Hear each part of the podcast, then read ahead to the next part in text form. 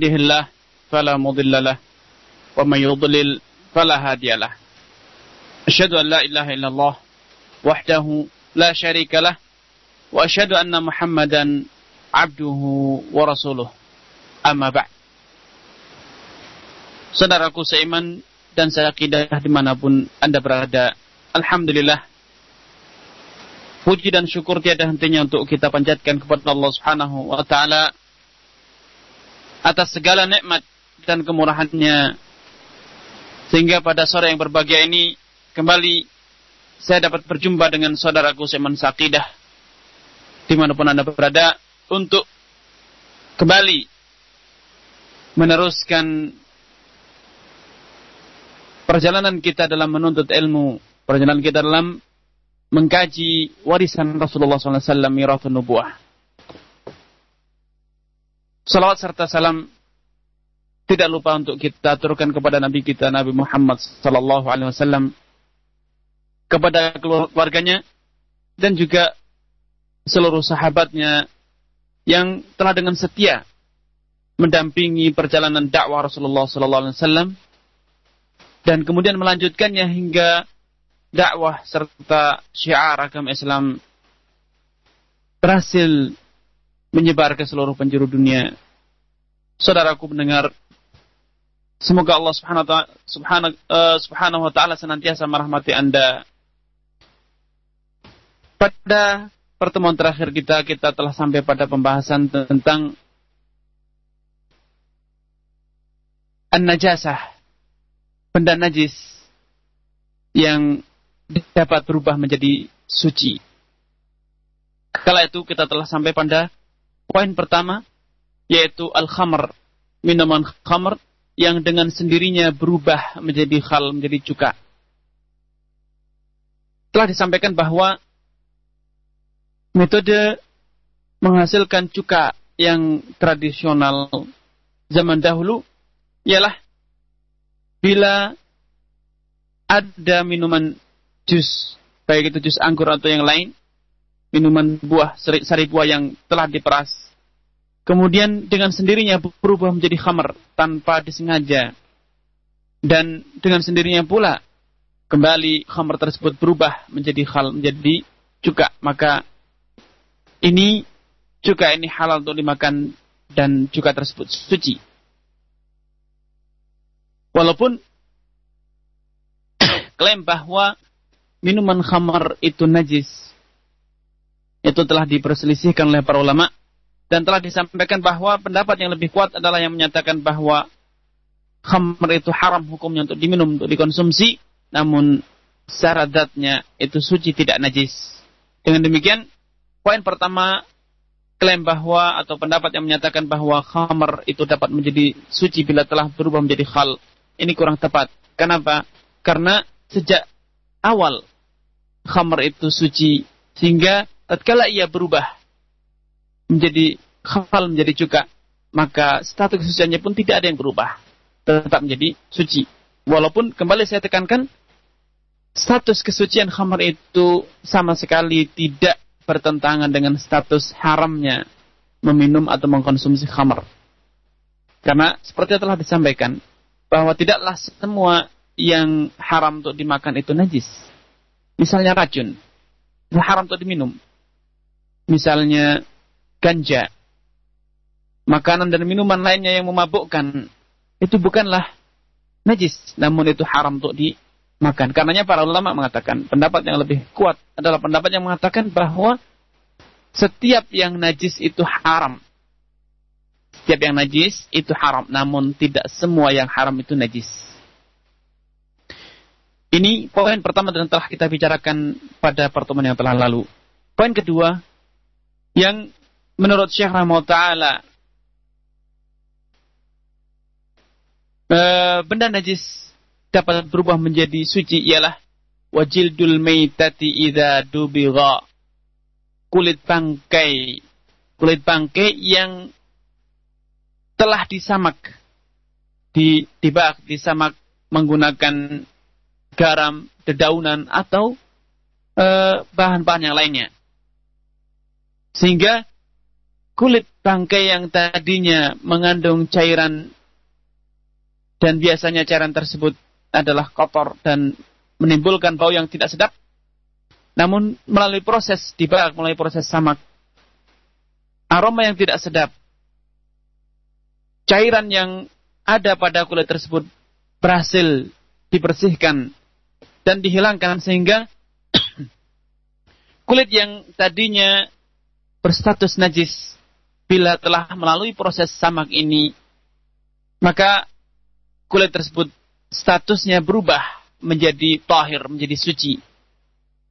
Dengan demikian, kulit bangkai yang telah disamak itu boleh digunakan baik sebagai alas untuk beribadah, sholat, atau sebagai tempat untuk menyimpan minuman, bahan-bahan cair, ataupun benda-benda yang kering.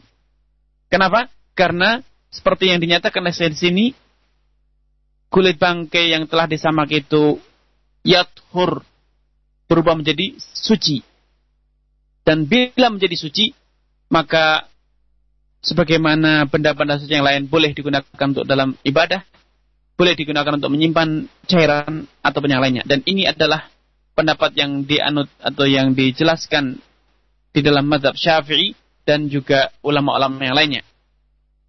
Mereka menyatakan jildul meitah, kulit bangkai yang telah disamak itu menjadi suci, lahir dan bagian dalamnya. Sehingga bila kulit dibelah menjadi dua, maka bagian dalamnya pun suci.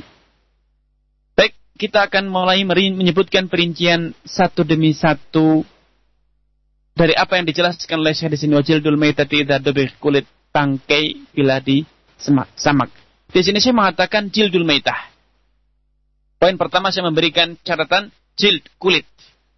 Dengan demikian, Anda harus waspada bahwasanya pembahasan kita hanya sebatas kulit saja, adapun urat-uratnya, dagingnya, lemaknya, maka tidak dimaksudkan di sini, tidak dibahas di sini. Dengan demikian dapat dipahami bahwa daging bangkai urat bangkai, lemak bangkai, walaupun disamak, maka itu tidak akan berubah menjadi suci. Dengan cara apa pun, disamak dengan apa pun, ia tidak akan bisa menjadi suci. Karena di sini saya hanya mengatakan wajil dul maitah dan kulit bangkai. Dan demikian poin pertama yang hendaknya Anda ingat selalu, bahwasanya pembicaraan kita adalah berkenan dengan kulit. Adapun selain kulit maka sepakat para ulama selain kulit dari anggota tubuh bangkai hewan yang mati dengan sendirinya itu tidaklah dapat menjadi suci walaupun telah disamak. Ini poin pertama. Kemudian poin kedua yang diungkapkan oleh Syekh di sini, oleh Syekh Salim rahimahullah taala ialah al-maitah. Kulit tersebut adalah kulit yang dipungut, yang diambil dari bangkai, bukan dari hewan yang disembelih bukan hewan yang mati dengan cara disembelih dengan cara-cara yang syar'i. Kenapa demikian? Dikarenakan kulit yang dihasilkan dari hewan yang disembelih dengan cara-cara yang syar'i, kambing yang disembelih dengan cara syar'i, maka walaupun tidak disamak, ia suci dan ia halal. Bukan sekedar suci, bahkan ia halal untuk dimakan. Halal untuk dikonsumsi. Karena ia bukanlah bangkai. Ia bukanlah bangkai. Karena sini saya mengatakan wajildul meitah dan kulit bangkai. Dan perlu diketahui bahwa yang dimaksud dengan bangkai di dalam syariat ialah setiap hewan yang mati dengan tanpa penyembelihan yang syar'i. Tanpa melalui proses penyembelihan yang dibenarkan dalam syariat. Nah, berbicara tentang penyembelihan. tentang penyembelihan yang dibenarkan dalam syariat maka para fuqaha, para ahli fikih telah menyebutkan bahwa proses penyembelihan di dalam Islam itu ada dua jenis, dua macam. Penyembelihan dalam kondisi normal dan penyembelihan dalam kondisi darurat. Pertama, penyembelihan dalam kondisi normal. Yaitu di saat Anda berhasil menguasai hewan yang hendak Anda konsumsi. Sehingga Anda bisa merebahkannya atau mengikatnya. Kemudian Anda menyembelih hewan tersebut. Ini yang dimaksud dengan kondisi normal, bukan dalam kondisi darurat. Bukan dalam kondisi terpaksa. Dalam kondisi normal, di saat Anda berhasil menguasai hewan yang hendak Anda sembelih, maka Anda memiliki dua pilihan, memiliki dua cara menyembelih. Cara yang pertama ialah dengan memotong pangkal atas leher ter, uh, leher ter, hewan tersebut dengan memotong leher hewan tersebut hingga darah hewan tersebut dapat mengalir hingga bersih hingga tuntas. Seperti yang dinyatakan Rasulullah SAW, ma'an harodam. Wadukir Rasulullah alaihi fakul. Setiap tata cara atau setiap cara, setiap alat yang dapat mengalirkan darah hewan dan Anda menyebut nama Allah sebelum Anda mengalirkan darahnya, maka makanlah. Dan para fuqaha, para ulama telah menjelaskan bahwa yang dimaksud dengan mengalirkan darah hewan ialah dengan cara memotong leher hewan tersebut. Ini cara pertama. Cara yang kedua ialah dengan cara an-nahru. Fasalli li rabbika wanhar. Allah Subhanahu wa taala berfirman, "Fasalli li rabbika wanhar." Maka tegaklah salat untuk Rabb, untuk Allah Subhanahu wa taala dan berbuatlah nahar, laksanakanlah nahar. Para ulama telah menjelaskan yang dimaksud dengan nahar ialah menusuk pangkal bawah leher hewan hingga tembus ke jantungnya menggunakan benda tajam semacam, semacam pisau, pedang, atau panah, atau yang serupa.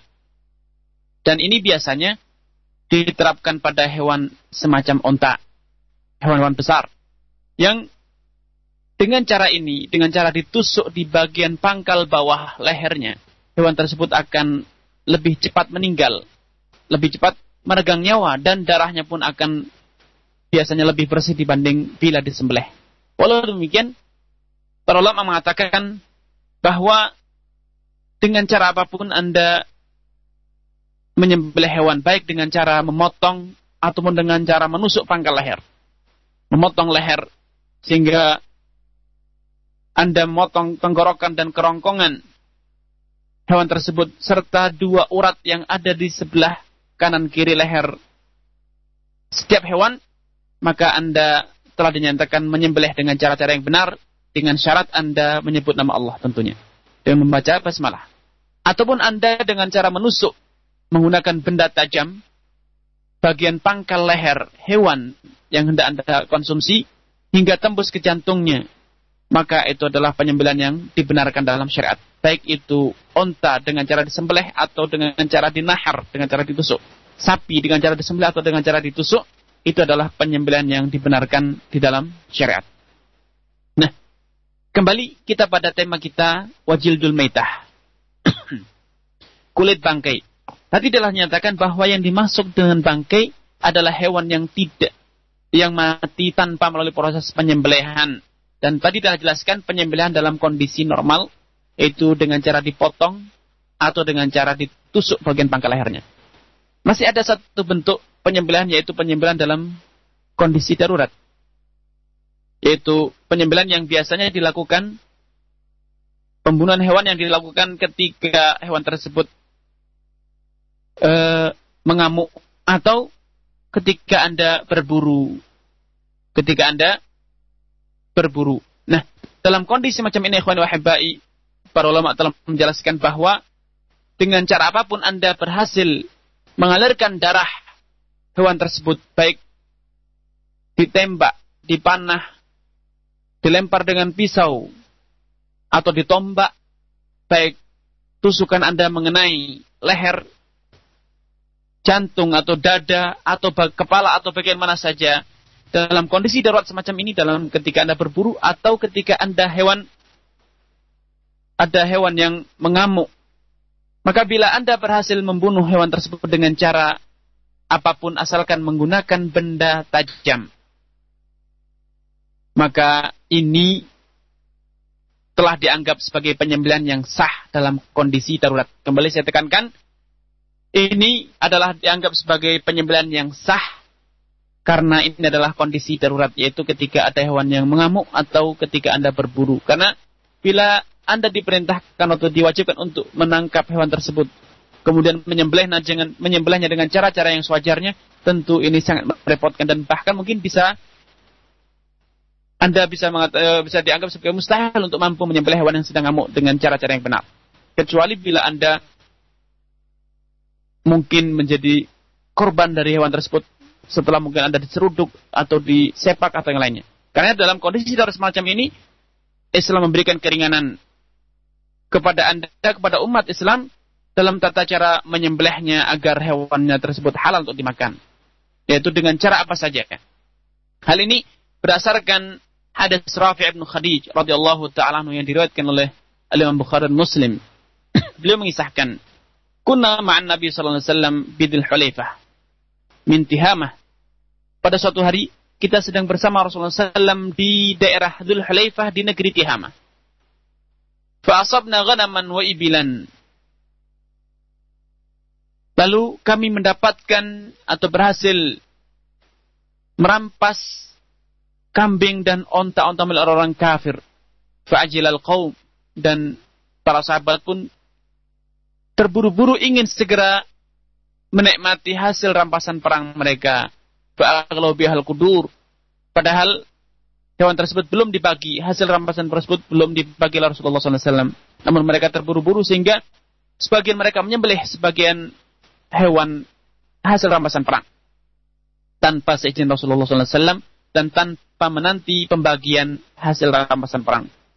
Maka tatkala Rasulullah SAW menyaksikan hal tersebut, beliau pun memerintahkan agar panci-panci tersebut yang telah terisi dengan daging hewan hasil rampasan perang sebelum dibagi untuk ditumpahkan, untuk dibuang karena ini termasuk hewan yang tidak halal dimakan. Kenapa? karena ini termasuk hasil korupsi. Hasil korupsi gulul. Mengambil hasil rampasan perang sebelum pembagian tanpa izin seorang imam. Tanpa izin panglima perang. Maka hasil atau daging yang telah atau hendak dimasak tersebut kemudian dibuang dan dituangkan oleh para sahabat dan kemudian setelah Rasulullah SAW membagikan hasil rampasan perang tiba-tiba ada seekor unta yang mengamuk. Dan kala itu para sahabat tidak ada yang memiliki atau tidak memiliki kuda untuk mengejar unta yang mengamuk tersebut. Dan spontan tanpa Sayyidina Rasulullah SAW ada seorang laki yang berinisiatif untuk melumpuhkan unta tersebut dengan cara dipanah. Maka tatkala unta tersebut terkena panah dan tepat di bagian yang menjadikannya ia mati, onta tersebut pun mati. Melihat kejadian ini Rasulullah SAW menyatakan, Inna lihadihil bahaim awabid, ka'awabidil wahshi, fama ghalabakum minha fasna'u bihi hakada. Sejatinya, binatang-binatang ternak ini kadang-kadang mengalami kondisi semacam ini. Itu dia mengalami kondisi tertentu kejiwaan atau yang lainnya menjadikan ia mengamuk dan menjadikan ia e, berlari sehingga sulit untuk ditangkap. Kata Rasulullah SAW, kalau kalian mendapatkan kejadian semacam ini, ada hewan yang e, mengamuk semacam ini, maka lakukanlah seperti apa yang dilakukan oleh sahabat kalian ini, yaitu dengan cara dipanah, dibunuh, dengan cara dipanah, dengan ditombak, walaupun mengenai bagian-bagian tubuh yang mana saja tanpa peduli apakah itu mengenai leher atau yang lain, asalkan menggunakan benda tajam sehingga mengalirkan darah hewan tersebut, maka ini sudah dianggap sebagai sembelihan yang syar'i, sembelihan yang halal. Inilah yang dimaksud dalam dengan sembelihan dalam kondisi darurat. Nah, kembali pada tema kita, cildul maitah. Hewa kulit bangkai. Dengan demikian dapat kita pahami saudaraku kita bahwa setiap hewan yang mati tanpa melalui proses penyembelihan yang syar'i. Seperti yang dijelaskan tadi, maka itu dianggap sebagai metah. Nah, penyembelihan yang tidak syar'i bisa jadi karena cara menyembelihnya yang tidak benar. Ia dipukul di kepalanya dalam kondisi normal, namun ia menggunakan benda tumpul atau ia menusuk bagian kepalanya, ditembak dan bagian kepalanya, maka ini tidak halal. Karena ini merupakan penyembelihan yang tidak syar'i. Atau ia menyembelih tanpa menyebut nama Allah Subhanahu wa taala. Ini pun juga penyembelihan yang tidak syar'i karena Allah Subhanahu wa taala telah mengatakan wala ta'kulu mimma lam yudhkar ismullahi alaih wa innahu lafisq. Jangan sekali-kali engkau makan hewan yang mati tanpa disebut nama Allah sebelumnya karena sejatinya hewan tersebut adalah fiskun, hewan yang jelek, hewan yang buruk. Atau hewan yang disembelih oleh orang yang tidak layak untuk menyembelih, yaitu mereka adalah selain muslim dan selain Yahudi dan Nasrani. Selain orang Yahudi dan Nasrani, orang yang beragama Hindu misalnya, atau Buddha, atau orang Majusi, atau orang ateis, atau orang musyrik, orang murtad, maka sembelihannya tidak halal. Dan ini termasuk hewan yang mati dengan sembelihan yang tidak syar'i. Atau ketika dalam kondisi darurat ternyata Anda melumpuhkan hewan tersebut bukan dengan menggunakan benda tajam namun menggunakan benda tumpul dilempar batu misalnya sehingga mengenai kepala hingga pecah dan hewan tersebut pun mati. Ini termasuk penyembelihan yang tidak benar. Tidak halal. Penyembelihan yang tidak halal. Sehingga hewan-hewan yang mati tersebut dengan cara-cara seperti ini adalah hewan yang disebut sebagai bangkai atau hewan yang mati dengan sendirinya tanpa proses penyembelihan. Hewan yang menggelundung dari tempat yang tinggi, terjepit, tertabrak kendaraan, tersengat listrik, atau hewan yang mati karena sakit. Semuanya itu dianggap sebagai mitah. Sebagai maitah.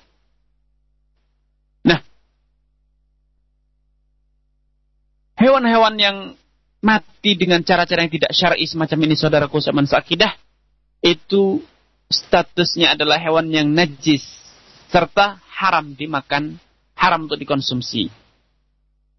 Hanya saja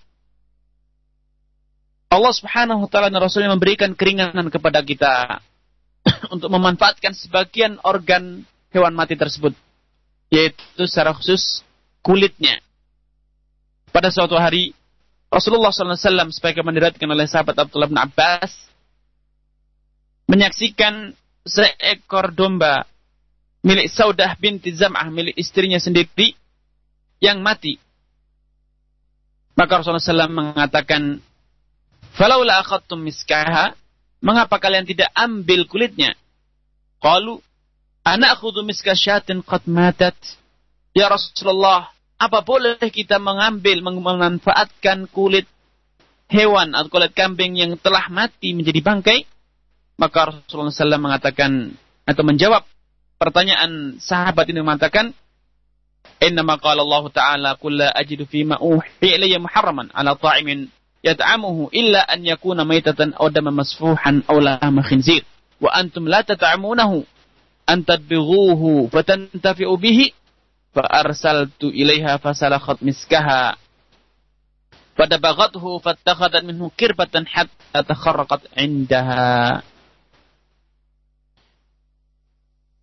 Maka Rasulullah SAW menjawab pertanyaan sahabat dengan membaca ayat yang artinya katakan aku tidaklah mendapatkan pada wahyu yang telah diwahyukan kepadaku makanan-makanan yang ada makanan yang diharamkan kecuali makanan yang berasal dari bangkai atau darah yang memencar yang mengalir aulah khinzir ataupun daging babi. Dan selanjutnya Rasulullah SAW menyempurnakan penjelasannya, jawabannya dan mengatakan, wa antum la tat'amunahu. Bukankah kalian tidak ingin memakan kulit daging tersebut? Antadbihu fatantafi'u bih. Hendaknya kalian menyamak kulit bangkai tersebut, kulit kambing tersebut, kemudian kalian memanfaatkan kulit kambing yang telah kalian samak. Riwayat hadis ini dilihatkan oleh Imam Ahmad dan yang lainnya. Saudaraku, seiman dan sakidah. Berdasarkan hadis ini dan juga hadis lain semisal sabda Rasulullah SAW ayyuma ihabin dubigha faqad tahur kulit apa saja yang telah disamak maka kulit tersebut telah menjadi suci faqat tahura. Hadis ini diriwayatkan oleh Al-Imam Muslim rahimallahu taala.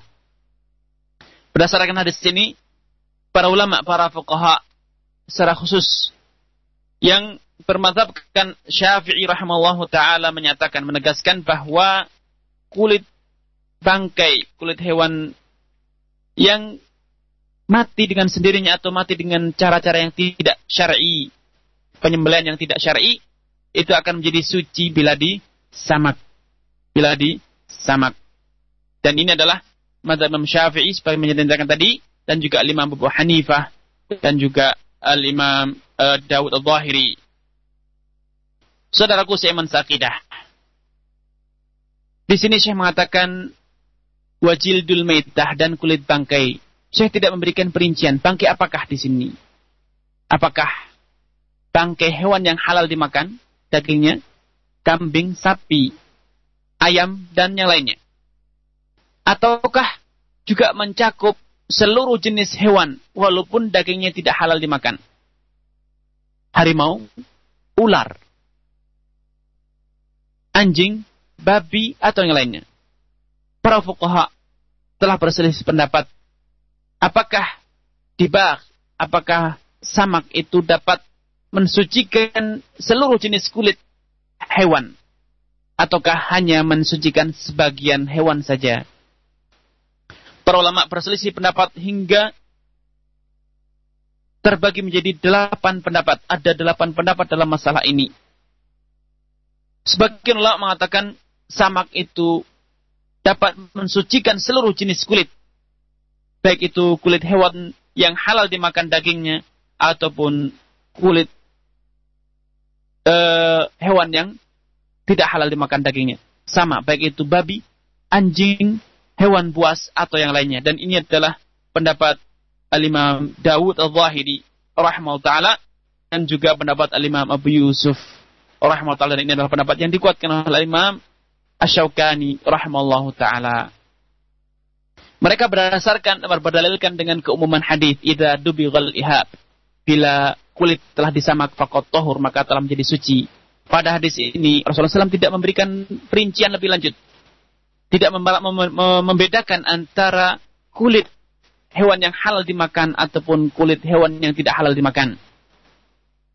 Berdasarkan keumuman ini, Al-Imam Dawud al-Zahir menyimpulkan bahwa seluruh jenis kulit hewan bila disamak maka itu menjadi suci. Dengan demikian boleh Anda menggunakan jaket yang terbuat dari kulit babi, sepatu yang terbuat dari kulit babi untuk digunakan ketika salat ataupun di luar salat. Karena menurut Imam Daud Zahiri pendapat ini kulit tersebut setelah disamak maka menjadi suci. Namun pendapat ini ditentang oleh ulama-ulama yang lain. Di antaranya Al-Imam Syafi'i rahimallahu taala. Beliau mengatakan dengan menggabungkan seluruh dalil-dalil yang berkaitan tentang dibak, tentang proses penyamakan akan dapat ditarik satu kesimpulan, ada satu petunjuk yang mengarah bahwa proses samak itu hanya berfungsi, hanya berlaku pada hewan-hewan yang halal untuk dimakan. Pada hewan-hewan yang halal untuk dimakan. Hal ini disimpulkan dari sabda Rasulullah Sallallahu Alaihi Wasallam. Beliau mengatakan dibagul adi zakatuha. Dibagul adi zakatuha. Menyamak kulit itu bagaikan menyembelih proses penyamakan itu statusnya seperti penyembelihan. Di sini Rasulullah SAW menyamakan antara penyembelihan, maaf, proses dibak, proses penyamakan dengan proses penyembelihan. Dan telah diketahui bahwa penyembelihan tidaklah ada fungsinya, tidaklah ada gunanya, tidak akan mampu mensucikan dan merubah status hewan yang haram khinzir, babi, walaupun Anda sembelih, tidak akan pernah menjadi suci, tidak akan pernah menjadi halal. Anjing, walaupun Anda sembelih, dagingnya tidak akan pernah menjadi halal dan tidak akan pernah menjadi suci, ia tetap najis. Demikian pula halnya dengan dibak. Dibak yang oleh Rasulullah SAW pada hadis di atas dinyatakan sebagai zakah. Ibagul adimi zakatuha menyamak kulit itu statusnya seperti menyembelihnya. Di sini dengan jelas Rasulullah SAW menyamakan dibag dengan sembelihan. Bila demikian arti dapat dipahami bahwa fungsi dibag itu seperti fungsi penyembelihan dan para ulama telah sepakat bahwa penyembelihan tidaklah berfungsi pada hewan-hewan yang haram dimakan dagingnya. Maka demikian pula lah hendaknya kita memperlakukan dibak proses penyamakan. Berangkat dari hadis ini, Al-Imam Syafi'i rahimahullah ta'ala berpendapat bahwa proses dibak itu hanya berfungsi pada hewan-hewan yang semasa hidupnya atau pada hewan-hewan yang dagingnya halal untuk dimakan. Bila ia mati tanpa melalui proses penyembelihan yang syar'i. Adapun hewan-hewan yang haram untuk dimakan dagingnya, walaupun disembelih misalnya harimau, misalnya ular, misalnya anjing, babi, maka sebagaimana hewan ini tidak menjadi halal bila disembelih, maka kulitnya pun tidak menjadi suci bila ditibak, bila disamak. Dan inilah Allah Ta'ala alam pendapat yang lebih kuat dan lebih selamat. Pendapat yang lebih kuat dan lebih selamat. Karenanya dapat disimpulkan bahwa di bagul adi proses penyamakan itu tidak akan bisa mensucikan kecuali hewan-hewan yang uh, dagingnya halal untuk dimakan. Inilah pendapat yang dijelaskan dalam madhab syafi'i dan juga pendapat yang dikuatkan oleh Imam uh, dinyatakan oleh Imam Syafi'i dan yang lainnya atau dan juga Imam Zuhri dan yang lainnya. Saudaraku seiman seakidah. Dari sini kita dapat mengetahui bahwa apa yang banyak ditemukan di pasaran berupa dompet yang terbuat dari kulit ular, pakaian jaket yang terbuat dari kulit harimau, kulit ular misalnya. Maka berdasarkan penjelasan di atas dapat kita pahami bahwa itu semuanya adalah kulit yang tidak halal untuk kita kenakan, tidak halal untuk kita pakai karena itu semuanya tetap berstatus sebagai kulit najis. Sebagai kulit najis.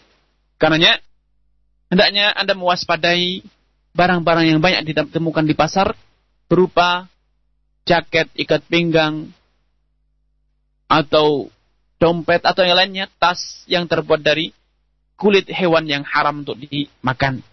Karena itu adalah kulit-kulit yang tidak suci alias najis. Dengan demikian, bila Anda hendak mendirikan sholat, maka Anda harus melepaskan benda-benda tersebut. Menanggalkan benda tersebut dari Anda agar Anda ketika sholat tidak membawa benda yang najis. Kembali kita pada tema kita yaitu kitab Safinatun Najah. Syekh Salim rahimahullah mengatakan wajil dul maitati idza dubir kulit bangkai bila telah disamak. Jadi telah dijelaskan bahwa menyamak kulit bangkai hewan yang halal untuk dimakan dagingnya itu menjadikan kulit bangkai tersebut menjadi suci. Nah, tadi juga telah dikatakan bahwa kesucian kulit bangkai yang telah disamak ini bukan hanya suci secara lahir namun hingga dalam-dalamnya. Sehingga kalaupun kulit itu dibelah menjadi dua, maka itu pun masih tetap suci. Kenapa? Karena proses samang ini telah berhasil menghilangkan kotoran, menghasilkan, membersihkan cairan yang pernah ada di dalam kulit tersebut. Sehingga kulit ini benar-benar suci sehingga boleh digunakan untuk menyimpan benda cair ataupun menyimpan benda yang kering. Digunakan untuk sholat ataupun di luar sholat. Hanya saja mungkin ada bertanya. Apakah kulit kambing bangkai kambing, kulit bangkai kambing yang telah disamak ini karena telah suci juga halal untuk dimakan? Katalah ikhwan wahibbai bahwa status kesucian kulit bangkai yang telah berhasil Anda wujudkan dengan menyamak kulit tersebut ini tidak berkepanjangan artinya tidak berkelanjutan sehingga menjadikannya hal untuk dimakan karena dengan jelas Rasulullah SAW dalam hadis yang diriwayatkan oleh Imam Ahmad dan yang lainnya mengatakan, Innama haruma akluha. Rasulullah SAW mengatakan sesungguhnya yang diharamkan dari bangkai ialah untuk memakannya. Berdasarkan penggalan hadis ini, para ulama sepakat bahwa kulit bangkai yang telah disamak itu suci namun tidak halal untuk dimakan. Karena Rasulullah SAW dengan jelas menyatakan innama harama aklaha. Sungguhnya yang diharamkan adalah memakan bangkai. Dan tidak diragukan bahwa memakan kulit bangkai walaupun telah disamak itu juga termasuk dari memakan bagian dari bangkai. Karena para ulama sepakat bahwa pembahasan kita ini hanya sebatas kesucian, membicarakan tentang kesucian kulit bangkai yang telah disamak dan tidak berkelanjutan hingga hukum e, memakannya. Ini poin kedua atau hal kedua, benda najis kedua yang dapat berubah menjadi suci. Yaitu, sekali lagi saya tekankan, jildul meitah, kulit, bangkai, dan bangkai tersebut adalah hewan yang halal untuk dimakan dagingnya. Ida dubik, bila disamak. Dan sedikit menambahkan proses penyamakan ini di zaman dahulu menggunakan garam, menggunakan kotoran hewan, burung dara, dan juga menggunakan garam serta hal-hal yang lainnya. Namun hal tersebut bukanlah batasan karena setiap masyarakat di setiap zaman memiliki cara-cara tersendiri untuk menyamak kulit, membersihkan kulit dari kotorannya, dari cairannya, sehingga kulit tersebut tidak lagi menimbulkan atau menyisakan bau yang tidak sedap dan kulit tersebut betul-betul bersih. Baik proses semak ini menggunakan bahan-bahan tradisional ataupun menggunakan bahan-bahan kimia, semuanya itu dibenarkan dan sah. Sehingga bila Anda menggunakan bahan kimia atau menggunakan bahan-bahan tradisional dan ternyata Anda berhasil membersihkan kulit dari cairannya sehingga tidak lagi menyisakan bau yang tidak sedap, maka kulit tersebut telah menjadi suci. Nah, poin terakhir ikhwani wahibai Benda najis yang dapat berubah menjadi suci ialah wa masara hayawanan. Benda najis yang telah berubah menjadi hewan hidup. Poin ketiga ini dahulu sempat dibahas oleh para fuqaha, para ulama zaman dahulu. Hal ini berdasarkan pada praduga para ulama bahwa lalat atau hewan sebelum menjadi lalat atau uh, ulat yang itu merupakan asal usul lalat itu terlahirkan dari bangkai. Padahal sesungguhnya tidak. Itu terlahirkan dari uh, telur-telur lalat. Namun karena keterbatasan para ulama zaman dahulu mereka menduga bahwa lalat itu terlahir dari bangkai. Sehingga mereka mengatakan bangkai dapat menjadi suci bila telah berubah menjadi ulat atau telah menjadi lalat. Namun ternyata ini praduga ini adalah praduga yang tidak tepat. Karena sejatinya lalat itu terlahirkan dari telur-telur lalat yang disisakan atau diletakkan oleh induk lalat di bangkai dan di kotoran. Dengan demikian, klaim bahwa benda najis yang terubah telah berubah menjadi hewan ini menjadi suci ini dengan contoh semacam ini tidak benar. Tidak benar karena sejatinya lalat tidaklah terlahir dari bangkai namun penjelasan para ulama ini dapat diberi, diberikan contoh lain. Tatkala mereka mengatakan masara hayawanan benda najis yang telah berubah menjadi hewan atau bagian dari hewan ini, maka hewan tersebut menjadi suci. Ini dapat dicontohkan dengan hewan jalalah, hewan yang pakannya, mayoritas pakannya ter, uh, berasalkan dari benda najis. Misalnya ayam yang diberi pakan kotoran babi. Atau misalnya ayam yang diberi kotoran e, diberi pakan berupa kotoran manusia, kotoran himar atau ikan yang diberi pakan kotoran manusia atau kotoran babi. Maka hewan ini dinyatakan sebagai hewan jalalah. Sahabat Abdullah bin Umar radhiyallahu taala anhu meriwayatkan Qal, naha Rasulullah sallam an aklil jalalati wa albaniha Abu Dawud ghairuh. Rasulullah SAW melarang kita untuk memakan daging jalalah, hewan jalalah, dan meminum susunya. Para ulama telah menjelaskan bahwa yang dimaksud dengan hewan jalalah adalah hewan yang pakannya terbuat atau berasalkan dari benda najis. Dahulu, onta-onta orang-orang Arab zaman dahulu banyak diberi pakan dari kotoran najis.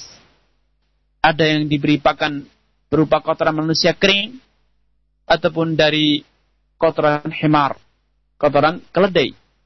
Ada ayam yang diberi pakan dari kotoran manusia dan yang serupa. Nah, bila mayoritas pakan hewan tersebut berasalkan dari benda najis ini, maka hewan tersebut dinyatakan sebagai hewan jalalah. Yang haram untuk dimakan, dan kalau itu hewan yang menghasilkan susu, maka haram untuk diminum susunya.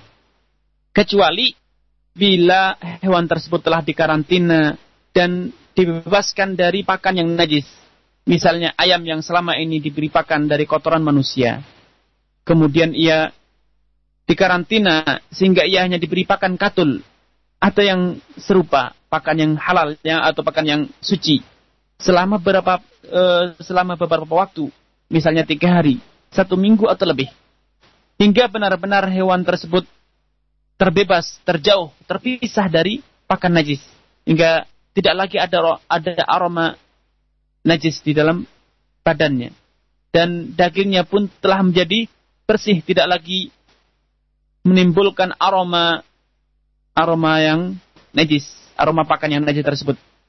Maka hewan tersebut akan kembali menjadi suci dan dagingnya halal untuk dimakan. Karena dahulu sahabat Abdullah bin Umar yang meriwayatkan hadis ini beliau biasa mengarantina ayam yang pakannya dari pakan najis selama tiga hari dan setelah setelah tiga hari beliau menyembelih hewan tersebut, ayam tersebut. Al-Imam Syafi'i ta'ala sebagaimana disebutkan oleh Al-Imam Al-Baihaqi beliau mengatakan bahwa hewan-hewan ternak yang diberi pakan mayoritas pakan adalah benda najis itu adalah jelalah itu akan berubah menjadi halal menjadi suci hewannya bila telah dikarantina. Misalnya bila onta yang diberi pakan dari pakan najis telah dikarantina selama 40 hari 40 malam. Atau kambing yang telah diberi pakan dari benda najis telah dikarantina karantina misalnya 30 hari atau sekitar itu. Dan ayam bila dikarantina 7 hari atau 3 hari. Maka kata Imam Syafi'i itu semuanya akan berubah menjadi suci dan halal. Karenanya memberikan contoh penjelasan Syekh Salim di sini wa masara hayawanan. Benda najis yang telah berubah menjadi hewan ini kita dapat mencontohkannya dengan hewan jelalah. Hewan yang tumbuh besar. Dagingnya muncul dari pakan yang najis. Ini akan dapat berubah menjadi suci kapan bila ia telah dikarantina. Sehingga walaupun hewan tersebut besar, dahulu dari kecil kemudian menjadi besar dari pakan yang najis, namun bila telah dikarantina maka daging yang tadinya tumbuh dari benda najis tersebut akan menjadi suci. Nah, dari sini kita bisa memberikan contoh dari ucapan Syekh Salim wa masara hewanan dan najis yang berubah menjadi organ hewan. Ini akan menjadi suci, yaitu dengan contoh hewan celalah. Inilah tiga jenis benda najis yang dapat berubah. Dan tadi telah dikatakan bahwa contoh pertama atau benda pertama yaitu khamr itu tidak layak atau tidak tepat untuk dimaksudkan di sini. Untuk dimaksudkan uh, dimasukkan ke sini. Karena apa khamr itu suci dan tidak najis. Walaupun haram untuk diminum. Sehingga kesimpulannya pendek kata hanya ada dua benda najis yang dapat berubah menjadi suci. Yang pertama kulit tangkai hewan yang halal dimakan dagingnya bila disamak. Dan yang kedua benda-benda najis yang dijadikan pakan pada hewan ternak. Bila hewan ternak tersebut telah dikarantina selama tiga hari atau lebih seminggu atau lebih maka hewan tersebut menjadi suci. Dan saya memberikan catatan di sini biasanya di masyarakat kita pada budidaya ikan lele atau pada ikan secara umum sering kali diberi pakan atau di kolam tersebut di, langsung dihubungkan dengan septic tank sehingga hewan tersebut tumbuh kembang menjadi besar beranak pinak dari pakan najis yaitu berupa kotoran manusia. Nah, sebelum mengkonsumsi hewan ini maka Anda harus terlebih dahulu mengkarantinanya di air yang suci dan diberi pakan dari pakan yang suci selama minimal tiga hari atau lebih. Dan selanjutnya setelah dikarantina selama tiga hari atau lebih ini, barulah Anda boleh mengkonsumsi ikan lele tersebut atau hewan yang lainnya. Adapun hewan yang hanya sesekali makan kotoran manusia, sesekali makan bangkai, hanya sesekali, bukan mayoritas pakannya. Hanya sekali, dua, tiga kali, namun itu bukan kebiasaan, itu hanya sesekali, maka itu bukanlah hewan jalalah. Sehingga walaupun ia pernah makan bangkai, ia halal untuk dimakan. Walaupun ia pernah makan kotoran manusia, ia halal untuk dimakan makan. Karenanya perlu digariskan bahwa sini bahwasanya contoh yang saya berikan tadi adalah hewan jelala yang artinya adalah hewan yang kebanyakan mayoritas pakannya berasalkan dari benda najis. Inilah yang bisa disampaikan pada kesempatan sore yang berbahagia ini. Semoga apa yang disampaikan ini menambah ilmu dan iman kepada kita semuanya. Dan semoga Allah Subhanahu wa taala menjadikan kita termasuk orang yang istimewa. Al-qaula wa asanahu Allah taala a'lam. Nah, kami ucapkan terima kasih jazakallah khairan atas pembahasan yang sangat bermanfaat yang telah Ustaz sampaikan di kesempatan sore hari yang berbahagia ini. Dan ikhwatal Islam rahimakumullah untuk selanjutnya kami akan undang Anda berinteraksi secara langsung di kesempatan uh, sore hari ini dengan bertanya melalui telepon 0218236543 atau melalui pesan singkat di 0819896543. Tapi Ustaz kita angkat uh, pertanyaan yang subhanallah sudah banyak sekali masuk melalui pesan singkat dan uh, sangat uh, bermutu pertanyaan-pertanyaan yang disampaikan oleh para pendengar kita di kesempatan sore hari ini. Taib, uh, kita angkat pertanyaan yang datang dari uh, pesan singkat dari pendengar kita saudara Ari di Brebes. Ustadz, apakah hewan yang hendak mati diterkam oleh binatang buas atau yang semisalnya uh, dihukumi uh, sebagai haram? Karena saya pernah menjumpai ada orang yang menyembelih hewan yang sedang menghadapi ajalnya disebabkan diterkam oleh hewan uh, binatang buas. Mohon penjelasan Ustaz jazakallah khairan.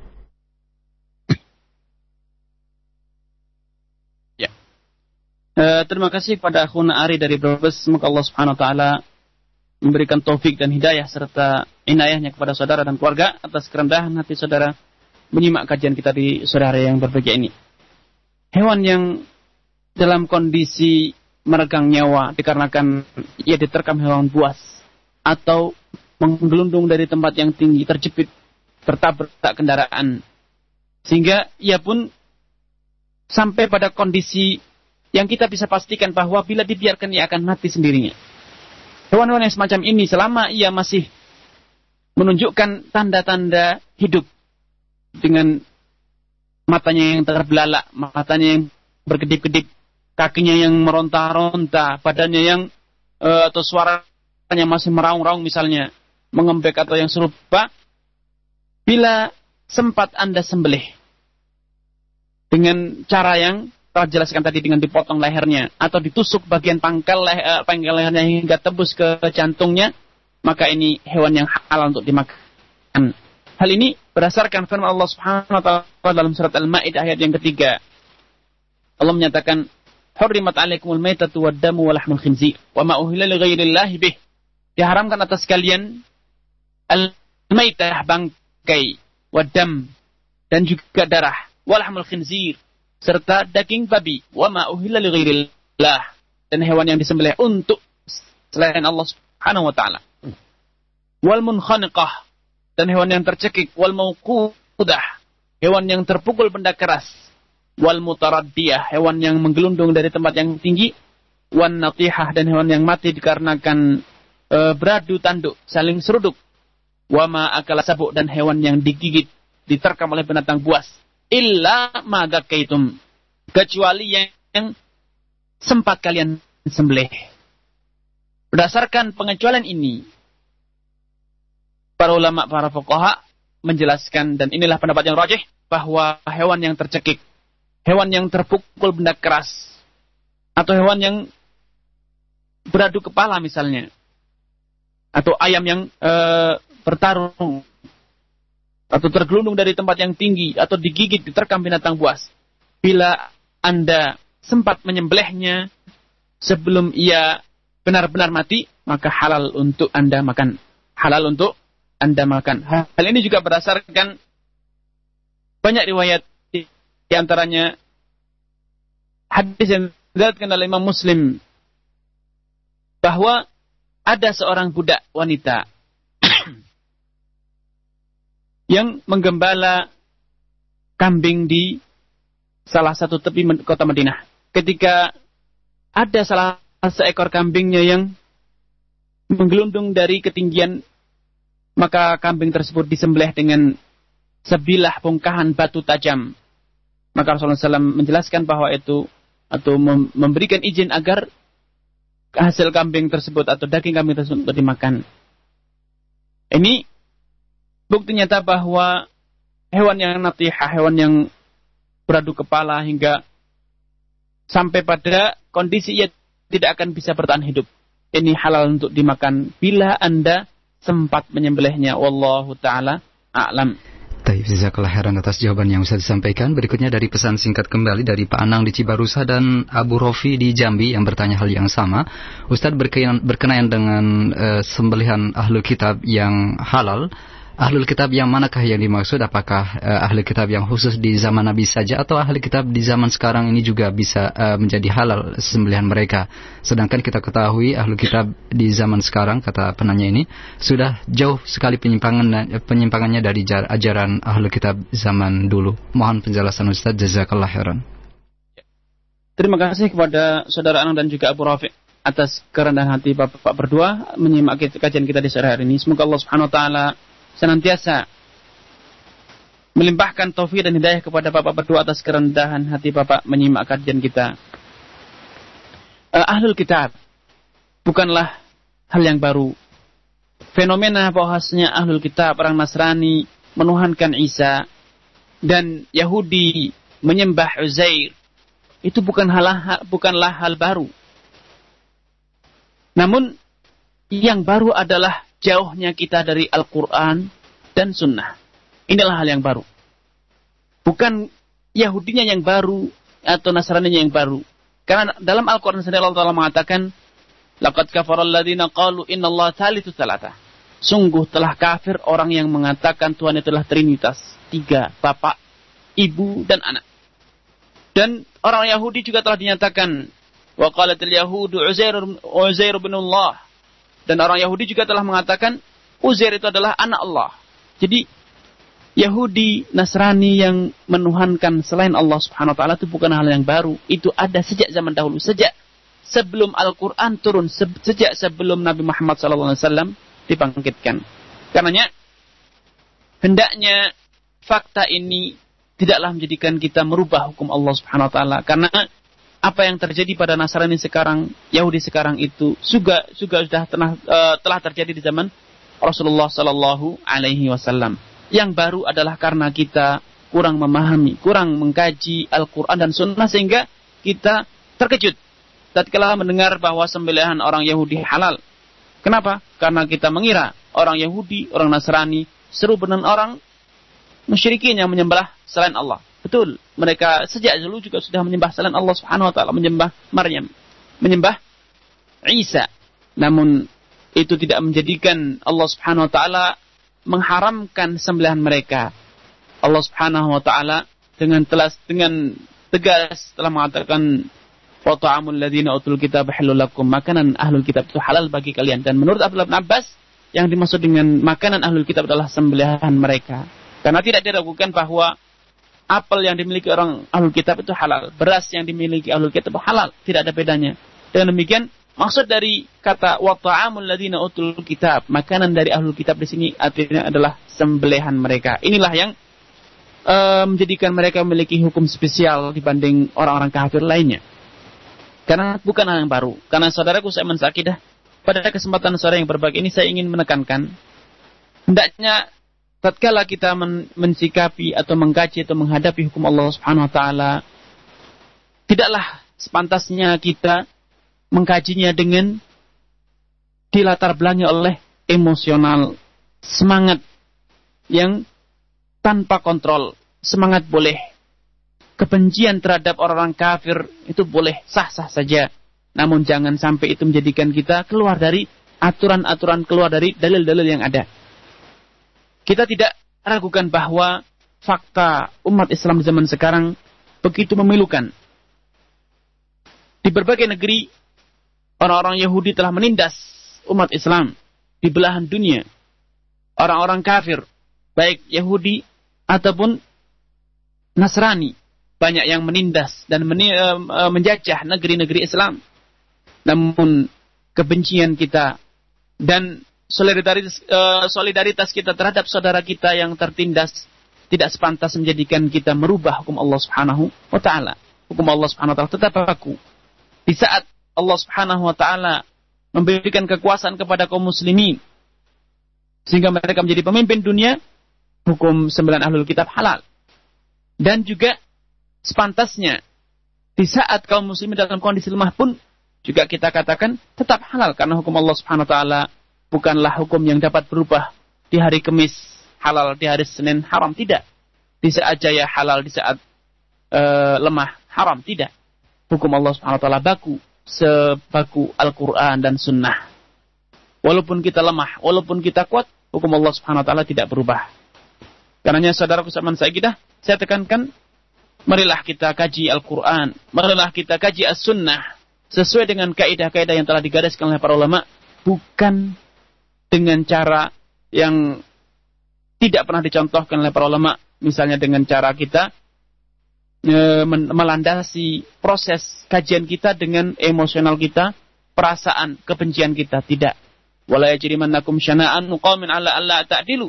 Allah menekankan jangan sampai kebencian kalian terhadap suatu kaum menjadikan kalian tidak berbuat adil, berkata yang tidak benar. Wallahu taala a'lam. Kami ucapkan terima kasih jazakallah khairan atas uh, jawaban yang Ustaz sampaikan.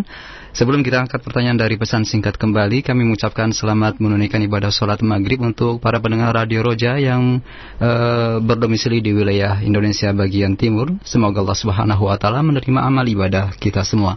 Tapi selanjutnya dari pendengar melalui pesan singkat kembali, Ustaz. Ustaz ada yang mengatakan bahwasannya binatang yang diharamkan oleh uh, nas uh, dari hadis Rasulullah Sallallahu Alaihi Wasallam hukumnya makruh saja karena Al-Quranul Karim hanya menetapkan empat macam, yakni daging babi, darah, bangkai, dan hewan yang tidak disembelih dengan uh, tidak menyebut nama Allah Taala. Benarkah demikian uh, pendapat Ustaz? Uh, ya, demikian Ustaz Zakallah heran. Saudaraku seman seakidah, sebelum saya menjawab, saya ingin balik bertanya. Uh, tadi dinyatakan bahwa sembelihan atau hewan yang haram dimakan itu hanya ada empat, yaitu yang disebutkan pada ayat tadi yang telah saya bacakan. Qul ajidu fima uhilayya muharraman ala ta'imin ila akhir ayat. Katakan aku tidak mendapatkan ada makanan yang haram untuk dimakan kecuali ada empat hal. Nah, adapun makanan-makanan yang dilarang dalam Al-Qur'an dalam hadis maka itu katanya hanya makruh saja. Ini bukanlah pendapat yang baru, bukanlah hal yang baru. Ini telah dinyatakan oleh sebagian ulama zaman dahulu. Namun perlu diketahui bahwa orang yang menyuarakan pendapat ini ada dua jenis. Orang ada dua kelompok. Kelompok pertama orang-orang yang mengingkari sunnah. Mereka tidak sudi, tidak mau mengamalkan sunnah Rasulullah SAW. Mereka hanya mau mengamalkan Al-Quran. Dan tentu ini adalah kelompok yang telah menyeleweng dari ajaran kaum muslimin. Dan kelompok kedua adalah orang-orang yang menganggap bahwa memiliki pedoman bahwa uh, Al-Quran adalah kot'i. Status Al-Quran itu kot'i artinya pasti benar. Pasti sahih. Pasti otentik. Sedangkan sunnah itu bani. Masih dipertanyakan ke autentikannya, ke absahannya. Karenanya mereka mengatakan dalil yang qat'i tidak bisa ditaksis, tidak bisa dinasakh, tidak bisa dikhususkan dan juga tidak bisa dianulir oleh dalil yang dhanni. Nah, pendapat ini tentu tidak benar. Bila demikian, bila pendapat ini kita amalkan tentu kita akan banyak meninggalkan agama kita. Contohnya misalnya Allah Subhanahu wa taala dalam Al-Qur'an kali memerintahkan kita wa aqimus. Tegakkanlah salat. Namun dalam Al-Qur'an tidak pernah dijelaskan tata cara salat. Bila demikian, kita akan mengatakan bila kita menggunakan kaidah orang-orang yang hanya berdalilkan dengan Al-Quran, kita akan kebingungan dengan tata cara salat kita. Bagaimana kita salat? Kan dalam Al-Quran tidak pernah diajarkan caranya. Bila demikian kita membuka pintu bagi orang-orang yang ingin salat dengan tata cara sendiri. Seperti orang kebatinan yang ingin salat dengan cara merenung saja. Memikirkan saja. Atau salat dengan cara ziarah ke kuburan wali misalnya. Tentu ini adalah pendapat yang tidak benar adanya. Karenanya Allah Subhanahu wa taala dalam ayat tadi juga telah mengatakan kulla ajidu fima uhiya. Katakan Muhammad, aku tidak mendapatkan pada wahyu yang telah diturunkan kepadaku. Sehingga sejatinya pada ayat ini atau ayat ini tidak tidak bisa dijadikan dalil untuk mengatakan bahwa yang haram itu hanya empat. Karena apa? Itu ayat ini hanya berbicara pada waktu itu. Pada waktu diturunkan ayat ini yaitu yang diharamkan hanya empat. Namun ayat ini tidak menutup kemungkinan, tidak menutup pintu bahwa setelah turunnya ayat ini ada makanan-makanan yang diharamkan. Dan itulah yang nyata. Setelah ayat ini turun, Rasulullah SAW menyampaikan dalil-dalil lain yang berupa dalil sunnah yang mengharamkan binatang-binatang selain yang keempat ini atau makanan-makanan yang selain empat ini. Karena dengan jelas ayat ini mengatakan fima uhiya yang telah diwahyukan kepadaku dan tidak berbicara tentang masa yang akan datang, e, tidak membicarakan tentang wahyu yang akan turun di masa datang. Tentu pendapat yang tadi ditanyakan adalah pendapat yang tidak kuat karena telah ditemukan dalam hadis yang sahih. Pengharaman berbagai bentuk binatang, misalnya binatang buas, misalnya burung yang ber uh, kulli mikhlabin minat memiliki paruh yang tajam yang memangsa-mangsanya dengan paruhnya yang kuat seperti elang dan yang serupa. Wallahu taala a'lam. Kami ucapkan terima kasih jazakallah heran. Dan selanjutnya sepertinya karena waktu yang terbatas Ustaz kita angkat pertanyaan dari pesan singkat kembali dari pendengar kita.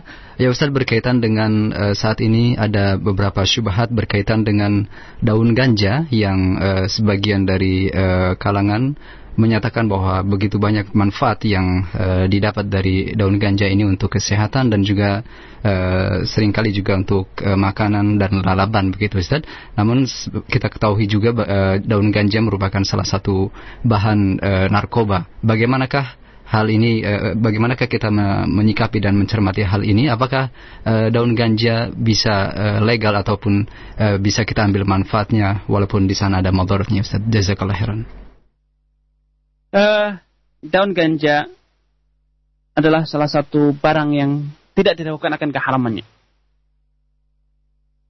Ganja nyata-nyata memabukkan dan nyata-nyata merusak kesehatan, mengganggu kesehatan dan terutama nalar sehat Anda. Padahal Rasulullah SAW telah menegaskan ma askara kullu muskirin khamrun wa kullu khamrin haram. Kullu muskirin khamrun wa kullu muskirin haram. Setiap yang memabukkan itu disebut khamar dalam syariat. Dan setiap yang memabukkan itu hukumnya haram.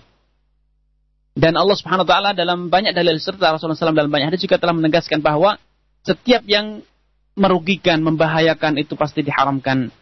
Rasulullah telah menegaskan la wa la dirar. Tidak boleh ada tidak boleh Anda melakukan hal yang dapat dirar, merugikan, mengganggu. Dan juga tidak boleh Anda membalas dengan cara yang lebih kejam berbagai dalil yang ada itu jelas-jelas mengisyaratkan bahwa ganja dan yang serupa itu adalah hal yang haram karena ganja memabukkan dan juga ganja mendatangkan mafsada yang sangat besar. Namun ada hal yang perlu digarisbawahi pada permasalahan ini. Banyak orang, termasuk kaum muslimin, termasuk para aktivis kaum muslimin, mengira bahwa segala yang diharamkan dalam Islam itu pasti tidak ada manfaatnya. Ini adalah praduga yang salah besar. Dan ini adalah pola pikir yang sesat dan menyesatkan. Betapa tidak? Allah Subhanahu wa taala tatkala menciptakan dunia beserta isinya ini tidaklah menciptakan keduanya langit dan bumi beserta isinya dalam keadaan main-main. Pasti segala yang Allah ciptakan itu ada manfaatnya baik yang halal ataupun yang haram, pasti ada manfaatnya. Karena Rasulullah SAW mengatakan wasyarru laisa ilaih. Ya Allah, tidaklah ada hal yang buruk yang berasal darimu ya Allah Subhanahu wa taala. Sehingga semua yang Allah ciptakan, semua yang Allah lakukan, semua Allah yang takdirkan itu pasti membawa hikmah, membawa man ada manfaatnya. Sampai pun ganja, sampai pun orang kafir, sampai pun iblis, itu pasti ada hikmah ada manfaat dari keberadaan iblis. Misalnya dengan adanya iblis kita tahu apa beda surga dan neraka. Kita tahu mana yang taat dan mana yang fajir, mana yang tidak taat. Dengan adanya iblis, kita tahu pentingnya syariat amar ma'ruf nahi mungkar, pentingnya dakwah, pentingnya um, uh, betapa tingginya kedudukan para rasul yang berjuang mengorbankan segala yang ia miliki demi tegaknya syariat Allah Subhanahu wa taala dan dari situlah akan terbukti mana yang mukmin dan mana yang munafik. Sebagaimana hewan-hewan yang lain yang atau benda-benda yang lain diharamkan, itu pun tidak ada satupun benda yang haram dan dia benar-benar 100% dari segala sudut pandang tidak mendatangkan manfaat. Sampai pun khamr, Allah Subhanahu wa taala dengan tegas telah dalam Al-Qur'an mengatakan Kul fihi ma ithmun kabir wa manafi'u linnas. Pada khamr itu terdapat ithmun kabir, dosa, kerusakan yang sangat besar dan juga ada manafik, ada sebagian manfaat. Karena karena adanya pola pikir yang salah dan eh, menyesatkan inilah yang menyebabkan sebagian kaum muslimin, sebagian aktivis merasa terkejut tatkala mendapatkan bahwa khamar memiliki manfaat. Babi mengandung nilai ekonomis yang sangat tinggi. Ganja memiliki kegunaan yang layak untuk dipertimbangkan.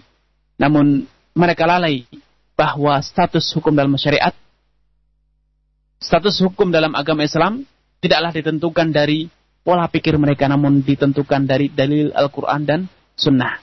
Dan telah jelas-jelas bahwa Al-Quran dan sunnah telah menjelaskan bahwa segala yang memabukkan itu khamar dan segala yang memabukkan itu haram. Karena kepastian hukum ini tidaklah boleh dirubah. Walaupun medis, walaupun para ilmuwan berhasil membuktikan bahwa ganja, khamar itu bisa mendatangkan nilai ekonomis, bisa digunakan untuk hal, -hal yang berguna. Namun itu tidak bisa merubah eh, kepastian hukum haram. Sebagai nama babi yang menurut para uh, ekonom, para pedagang, para peneliti memiliki nilai ekonomis yang sangat tinggi, kegunaan yang sangat besar dalam dunia medis. Namun itu tidak akan pernah bisa merubah kepastian haram babi. Allah telah menegaskan keharamannya dalam Al-Quran dan juga Rasulullah SAW telah menegaskan keharamannya dalam sunnah. Karena adanya manfaat. Tidak adanya manfaat itu tidak akan berubah. Karena Allah Subhanahu wa taala tatkala mengharamkan babi, mengharamkan ganja, mengharamkan khamar, telah mengetahui bahwa semuanya itu ada manfaat. Dan perlu diketahui, di sinilah nilai ketaatan Anda, kepatuhan Anda dapat dipertimbangkan, dapat terbukti. Tatkala Anda tergiur dengan nilai ekonomisnya, sehingga Anda melalaikan keharaman Allah, hukum Allah Subhanahu wa taala ini cerminan Anda lemah iman. Namun tatkala Anda mampu mengobarkan iman Anda mengatakan walau ada sejuta manfaat selama itu haram, selama itu diharamkan dalam Al-Qur'an, saya tidak akan pernah mendekatinya, saya tidak akan pernah memanfaatkannya. Kenapa? Saya meninggalkannya bukan karena tidak bermanfaat, namun karena Allah Subhanahu wa taala melarang. Saya melakukannya bukan karena saya tahu itu berguna menguntungkan bagi saya, namun karena Allah memerintahkannya. Inilah nilai ketaatan. Adapun bila Anda meninggalkan karena Anda merasa belum memanfaatkan, belum memiliki rasa, belum membutuhkan, tidak merasa ada perlunya, berarti Anda adalah para penyembah keperluan Anda. Para pemuja kepentingan Anda, para pemuja masalah diri Anda, bukan hamba Allah Subhanahu wa taala. Nilai ibadah Anda tatkala Anda mampu mengatakan sami'na wa ta'na. Kami mendengar perintah dan kami pasti taat. Namun bila Anda terus mempertimbangkan hal-hal yang semacam ini, iman Anda tergoyah. Di setiap hal yang seperti ini, ini cerminan lemahnya iman. Cerminan Anda beragama karena unsur manfaat bukan karena patuh pada Allah Subhanahu wa taala. Wallahu taala a'lam.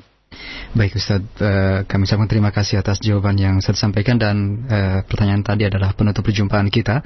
Satu kesimpulan akhir atau penutup untuk uh, di akhir kajian kita. Tafadhol Ustaz. Baik. Ikhwan wa ahibbai. Pada pembahasan yang tadi telah disampaikan tentang status kulit bangkai yang dapat menjadi suci setelah disamak. Sebagaimana hewan jalalah yang telah dikarantina itu dapat menjadi suci. Ini adalah ketentuan dalam hukum fikih yang telah dibahas oleh para ulama, para ahli fikih. Nah, kaitannya atau saya ingin menutup perjumpaan kita ini dengan satu pesan bahwa hukum halal haram, hukum suci tidak suci ini adalah hukum yang bersumber dari Allah Subhanahu wa taala. Karenanya tidak ada celah bagi kita untuk berkata mengapa Allah Subhanahu wa taala memberikan keringanan pada kulit bangkai sehingga bila disamak halal uh, menjadi suci. Namun kenapa pada dagingnya, lemaknya kok tidak menjadi suci? Ini adalah ranah untuk kita berkata sami'na wa ta'na, kami mendengar dan kami patuh. Karena demikianlah datang dari Allah Subhanahu wa taala, demikianlah kemurahan.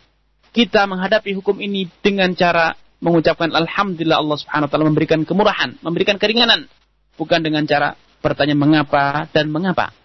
Kita berkata sami'na wa dan kita senantiasa memuji alhamdulillah Allah Subhanahu wa taala memberikan kemudahan, memberikan keringanan. Bukan Anda bisa Anda bisa bayangkan andai Allah menetapkan semua bangkai akan haram disemak atau tidak kulit atau selainnya, maka itu adalah wewenang Allah Subhanahu wa taala anda tidak memiliki hak untuk menentangnya atau bertanya mengapa. La yus'alu amma yaf'al wa hum yus'alun. Allah Subhanahu wa taala tidak layak untuk ditanya, untuk dipermasalahkan mengapa Allah menentukan, mengapa Allah mentakdirkan, mengapa Allah mensyariatkan namun mereka lah yang layak untuk ditanya, mengapa kamu berbuat.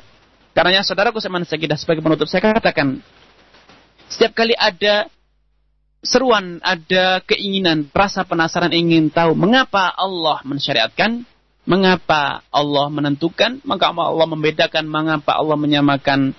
Hendaknya terlebih dahulu untuk bertanya. Untuk Anda bertanya kepada diri sendiri, mengapa Anda bertanya? Untuk apa Anda bertanya? Anda bertanya untuk beramal atau Anda bertanya hanya sekedar ingin tahu tapi tidak ingin beramal? Bila Anda bertanya ingin beramal, anda bertanya untuk menambahkan iman, maka itulah pertanyaan yang layak untuk dijawab, pertanyaan yang layak untuk diupayakan jawabannya. Namun bila Anda bertanya hanya ingin tahu, bukan untuk ingin beramal. Anda bertanya ingin mempermasalahkan, ingin menyoalnya, bukan ingin mengamalkannya, maka ini pertanyaan yang tidak layak untuk dirisukan. Bahkan pertanyaan yang seyogianya Anda berlindung dari Allah SWT di pertanyaan-pertanyaan yang semacam ini. Karena ini pertanyaan-pertanyaan yang tidak menghasilkan amalan. Ini adalah pertanyaan yang atau ilmu yang atau pertanyaan yang menghasilkan ilmu yang madarat, ilmu yang merugikan Anda dan tidak memanfaat, menguntungkan Anda. Wallahu taala a'lam.